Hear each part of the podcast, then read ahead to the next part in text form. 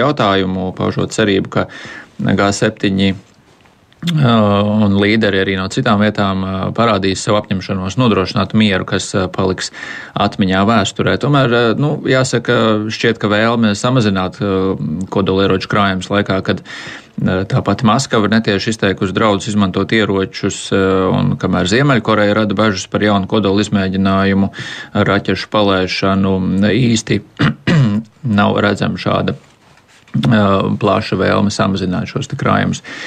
Nu, tomēr Krievija un Ķīna būs tās galvenās samita sarunu tēmas, nevis kodolieroči. Vakar tika vēstīts, ka samitā plānots apspriest sankciju piemērošanu tirzniecībai ar Krievijas dimantiem. Un izskatās, ka Eiropas Savienība koordinēti ar G7 valstīm noteiks sankcijas šajā nozarē. Eiropadomas prezidents Šārls Mišels ir izteicies, ka bloks ierobežos ienesīgo tirzniecību ar Krievijas dimantiem Lielbritānija jau pirms samita vakar vakarā ir pateikusi, ka aizliegs Krievijas dimantu un vairāk metālu, arī vārā alumīnija un niķeļa importu. Uh, lielākie Krievijas dimantu importētāji apvienotie Arābu Emirāti, Indija un Beļģija šobrīd ir. Savukārt ASV ir lielākais gala produktu saņēmējs. Un, lai sankcijas Krievijas dimantu nozarei būtu efektīvas, arī ko ir norādījusi Eiropas Savienības amatpersona, tad ir svarīgi, ka tajās iesaistās arī Indija kurai šobrīd, eh, jāsaka, gan ir ciešas militārās saites ar Maskavu, un tā nekad nav arī nosodījusi Krievijas iebrukumu Ukrainā. Un uh, Indijas premjeras Narendra Modi un Arī citu lielo jaunatīstības valstu līderi ir uzaicināti uz G7 samitu Hirosimā. Eh, tad nu laiks diplomātijai un redzēs, vai izdosies kaut kādā veidā panākt, ka Indija pieslējas arī rietumiem šajā te sankciju Eh, ziņām. Un eh, jau domājams arī, ka valsts apspriedīs eh, citas sankcijas pret Krieviju. Gan Briti, gan ASV jau ir norādījuši, ka iekļaus melnajā sarakstā dažādas personas vēl un arī uzņēmumus, bet ASV finanšu ministrija pirms samita jau secinājusi, ka Rietumvalsts noteikto cenu griesti no Krievijas eksportētajai naftai ir būtiski samazinājuši Maskavas ieņēmumus no naftas eksporta. Šogad tie vairs veido 23% no Krievijas budžeta salīdzinājumā ar 35% pirms kara. Tādi jaunumi man šim brīdim stāstāmi par to, kas šodien notiks Japānā un par to, kā aizvadīt nakts Ukrainā. Paldies, Rihardam, ir 7,20 minūtes. Ir jau pagājuši pieci mēneši kopš valdības apstiprināšanas. Kariņa otrās valdības deklarācijā uzsvērts, ka valdības mērķis ir ekonomikas transformācija labākai dzīvei Latvijā, mērķēti pārorientējot valsts pārvaldes darbu piecās savstarpēji cieši saistītās jomās - drošība, izglītība, enerģētika, konkurētspēja un dzīves kvalitāti. Tiesa, kā valdības apstiprināšanas laikā norādīja neviens viena politologs eksperts, deklarācijā nospraustie mērķi liekot domāt, ka valdības veidotāji negatavojas ilgam darbam un tai nebūs jāatskaitās par paveikto. Jā, kas mums notiek ar izaugsmes ceļa stiprināšanu caur ekonomikas transformāciju? Par to šorīt runāsim ar ekonomikas ministru Ilzi Indriksonu no Nacionālās apvienības. Labrīt! Labrīt!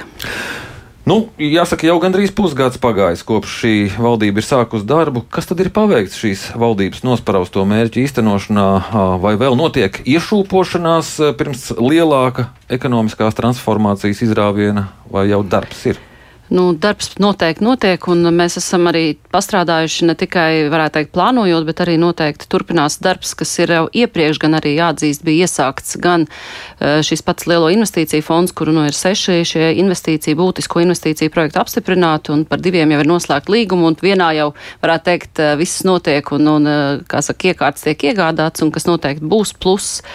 Ir arī trīs digitalizācijas programmas šobrīd, varētu teikt, aktīvi strādā, un Eiropas Eiropas digitāla inovācija centri gaida gan lielus, gan mazus uzņēmējus, lai veiktu šos briedumu testus un ceļakartes piešķirtu, un tālāk jau var investēt digitalizācijā un no plānošanas viedokļa svarīgi, lai arī šī visa darbība būtu plānota un faktiski izvēlēti visefektīvākie līdzekļi un veidi, kā sasniegt izaugsmi. Un mums ir uh, tapis uh, plāns, kura viena no daļām ir arī nodokļu pārmaiņas, bet uh, būtiskās daļas ir arī citas, un mēs tautsensības padomē ar visām nozarēm un sociālajiem partneriem to esam apsprieduši. Un uh, viņi atbalsta mūsu redzējumu, ekonomikas ministrijas redzējumu, noteikti nākamajā nedēļā arī nodokļu grupā par nodokļiem prezentēsim. Nodokļu grupā arī noteikti izstāstīsim tavu, savu kopējo redzējumu. Tuvākajā laikā arī uz ministru kabinetu dosimies, lai faktiski arī citas ministrijas, jo Tur gan jāatzīst taisnība valdības deklarācijai, ka tikai kopīgiem spēkiem mēs to varam izdarīt.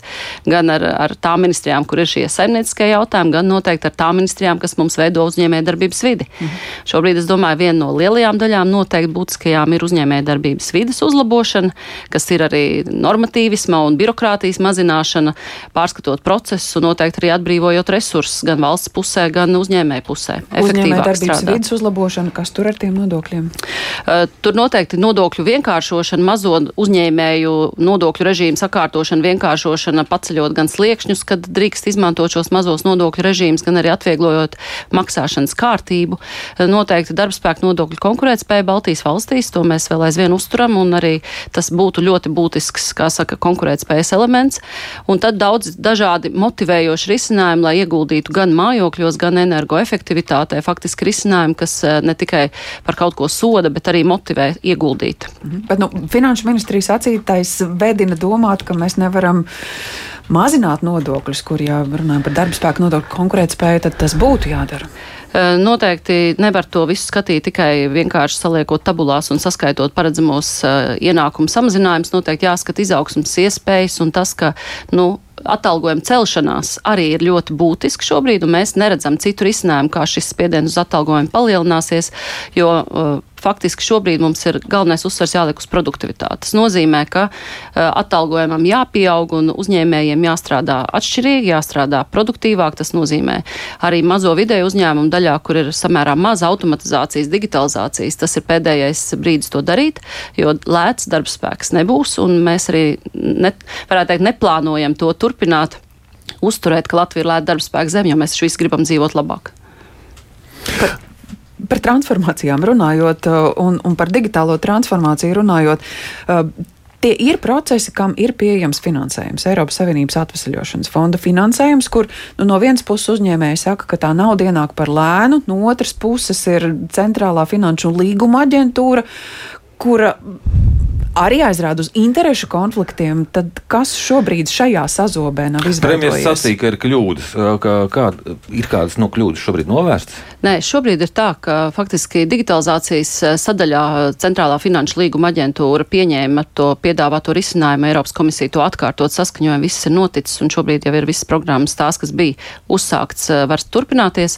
Bet šajā otrā sadaļā, kur ir kompetenci centri, kur uzņēmumi jau konkrēti uzņēmumi veido savus jaunos pakalpojumus produktus, produkts uz, uz inovāciju un pētniecības pamata. Šajā sadaļā ir tā, ka, protams, ir konstatētas problēmas. Es domāju, ka lielākā šī brīža kavēšanās ir tieši tāpēc, ka nevis tāpēc, ka pagājušā gada jūlijā ir ministru kabineta noteikumi apstiprināti, kuri nu tagad pēkšņi nedara, bet projekti tika iesniegti sākot ar oktobru līdz pat martam, nu kat, katra kompetenci centra, kā saka, laika iespēja limitā, bet uh, lielākā sāpe ir par to, ka centrālā un finanšu līguma aģentūra, kurai ir tiesības un arī normatīvu regulējums paredz piemērot tieši šo regulu, uz kur arī ir atsauc mūsu regulējumā, faktiski šos lēmumus nepieņēma un vairākus mēnešus vienkārši acīm redzot domāja, ko darīt un, un neizlēma šo, šo rīcību, kā saka, īstenot. Un tieši tas ir tā, tā ir tā problēma, kas kavē šo kompetenci, kompetenci centru projektu īstenošanu. Līdz ar to faktiski arī uh, fondu apguvi un arī iespējas uh, eksportam radīt jaunas produktus un jaunas pakalpojumus. Šī kavēšanās un neizlēmība faktiski ir tā lielākā problēma, jo mēs savu regulējumu esam vienojušies, ka precizēsim, bet tas jau attieksies, protams, uz nākamo uh, projektu pieteikumu kārtu jo uh, ja regula ir tieši piemērojama, tad regulas nepāraksta vārds vārdā mūsu vietējā normatīvajā regulējumā. Un, un uh, no pagājušā gada jūlija arī Centrālā finanšu līguma aģentūra noteikti varēja strādāt ar šiem kompetenci centriem.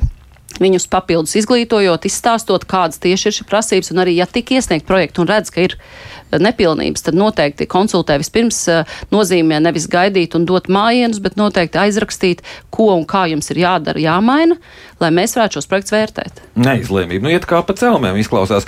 Aptuveni pirms mēneša premjeras sacīja, ka Latvijas atpalicība no kaimiņu valstīm ir dziļi struktūrāla un rezultāts kļūdainai politikai. Eh, to sacīja premjeras, kurš vada valdību te piecus gadus.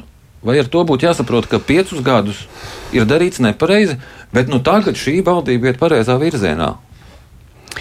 Vai izdosies veikt struktūrāls pārmaiņas, to noteikti mēs tuvākajā laikā redzēsim. Mēs katrā ziņā ekonomikas ministrijā esam ļoti daudz jau struktūrālu pārmaiņu ieviešanas procesā. Mēs arī vērtējam šos te procesus, kas ir svarīgi uzņēmē darbībai, kā piemēram īpašuma attīstības procesu no plānošanas līdz zemes grāmatas ierakstam, kuru redzam ir daudz lieku darbību, daudz procesu, no kuriem varētu atteikties. Un tās ir tās struktūrālās pārmaiņas, varētu teikt, lai efektīvi izmantotu visu resursu, kas mums ir pieejams. Piemēram, ēku kadastrālā uzmērīšana ir kā viens šobrīd vairs uh, nevajadzīgs process, no kur var atteikties un ietaupīt resursus abās pusēs, gan uzņēmēji, gan iedzīvotāji, gan arī valsts pusē. Uh, sav, savukārt, runājot par inflāciju, uh, Latvijas bankas un citi eksperti uh, šobrīd izsakās, ka viņi neredzot pamatu tādām cenām, kādas mums ir šobrīd. Sakiet, kāda ir valsts un pašvaldības uzņēmumu loma inflācijas līmeņa uzturēšanā, jo mēs īpaši nedzirdam par to, ka tarifi samazinātos, un tur, kur viņi samazinās, nav pārliecības, ka viņi samazinās tādā apjomā, kā šobrīd ir Eh, cenas eh, teiksim, eh, elektroenerģijai, degvielai un tā tālāk. Es ar pārliecību varu teikt, ka viss regulētais tirgus, kur mums sabiedrisko pakalpojumu regulators nosaka tarifus, viņi tiešām uh, vadās pēc precīzi pēc regulējuma un noteikti arī mums ir ieviest šobrīd šī. Tā... Viņi vadās tikai pēc formulas. Nē. Viņi arī... neizvērtē, vai, vai, vai tas skaitlis ir. Tāds, kāds Nē, ir? Viņi, viņi noteikti pārbauda. Es zinu, kā mums veicās ar šiem sadalījuma un pārvades tarifiem. Viņi faktiski katru izdevumu pamatotību tieši pārbauda un, un vērtē. Un arī biežāk šī tarifu pārskatīšana ne tikai uz augšu, bet arī uz leju. Un šobrīd apkurs sadaļā tieši šobrīd notiek šī tarifu samazināšana, attiecīgi pielāgojot tām cenām, par kādām šobrīd siltumapgādēji var iegādāties, kā saka, izēvielas. Tā kā šī sadaļa noteikti man ir ar pārliecību var teikt, ka notiek, vienmēr ir tas brīdis, kad iet uz augšu un tad, kad iet uz leju. Un to, kad iet uz leju, cilvēki vienkārši mazāk pamana. Bet eh, to, ka mums ekonomikā šobrīd ir eh, daudz redzami eh, nepamatoti cenu kāpumi, kur mēs neredzam, kāpēc tādi ir, un, un noteikti arī tirzniecība. Arī nesen bija publikācija un raksts, kur faktiski Rimī un Maksims tīklu peļņa bija salīdzināta Liet Igaunijā un Latvijā. Tie cipari bija gaužām par sliktu mūsu iedzīvotājiem noteikti, un nevis absolūtajos skaitļos, bet peļņas procentos, kas tomēr norāda uz tādu vēlmi nopelnīt vairāk, nevis varētu teikt efektīvu darbu darboties un arī vērtēt eh, šo tirgus iespēju. Nu jā, līdzīgi jautājumi tiek raidīti, protams, arī lielo energokompāniju virzienā un, un arī sadalījuma tīklu, bet eh, tas, lai paliek šoreiz eh, atvērts jautājums citai reizei, liels paldies par sarunu. Mūsu studijā bija ekonomikas ministra Ilze Indriksona. Vienmēr pirmais. Latvijas Radio 1. Ar ziņām pusastoņos studijā Ģercauzāns. Satversmes tiesā šodien atsāks skatīt lietu par pirmsskolas izglītības iestādēs strādājošo pedagoģu atalgojumu apmēru atbilstību satversmei.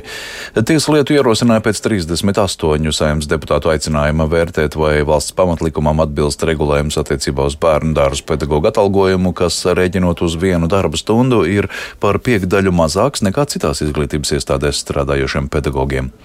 Tirzniecībā internetā no šodienas pulksten desmitiem būs pieejams biļets uz dziesmu un deju svētku koru lielu koncertu tīrums, dziesmas ceļš un tā ģenerāla mēģinājumu, arī uz noslēguma koncertu kopā augšup un tā ģenerāla mēģinājumu un arī sadziedāšanās nakti.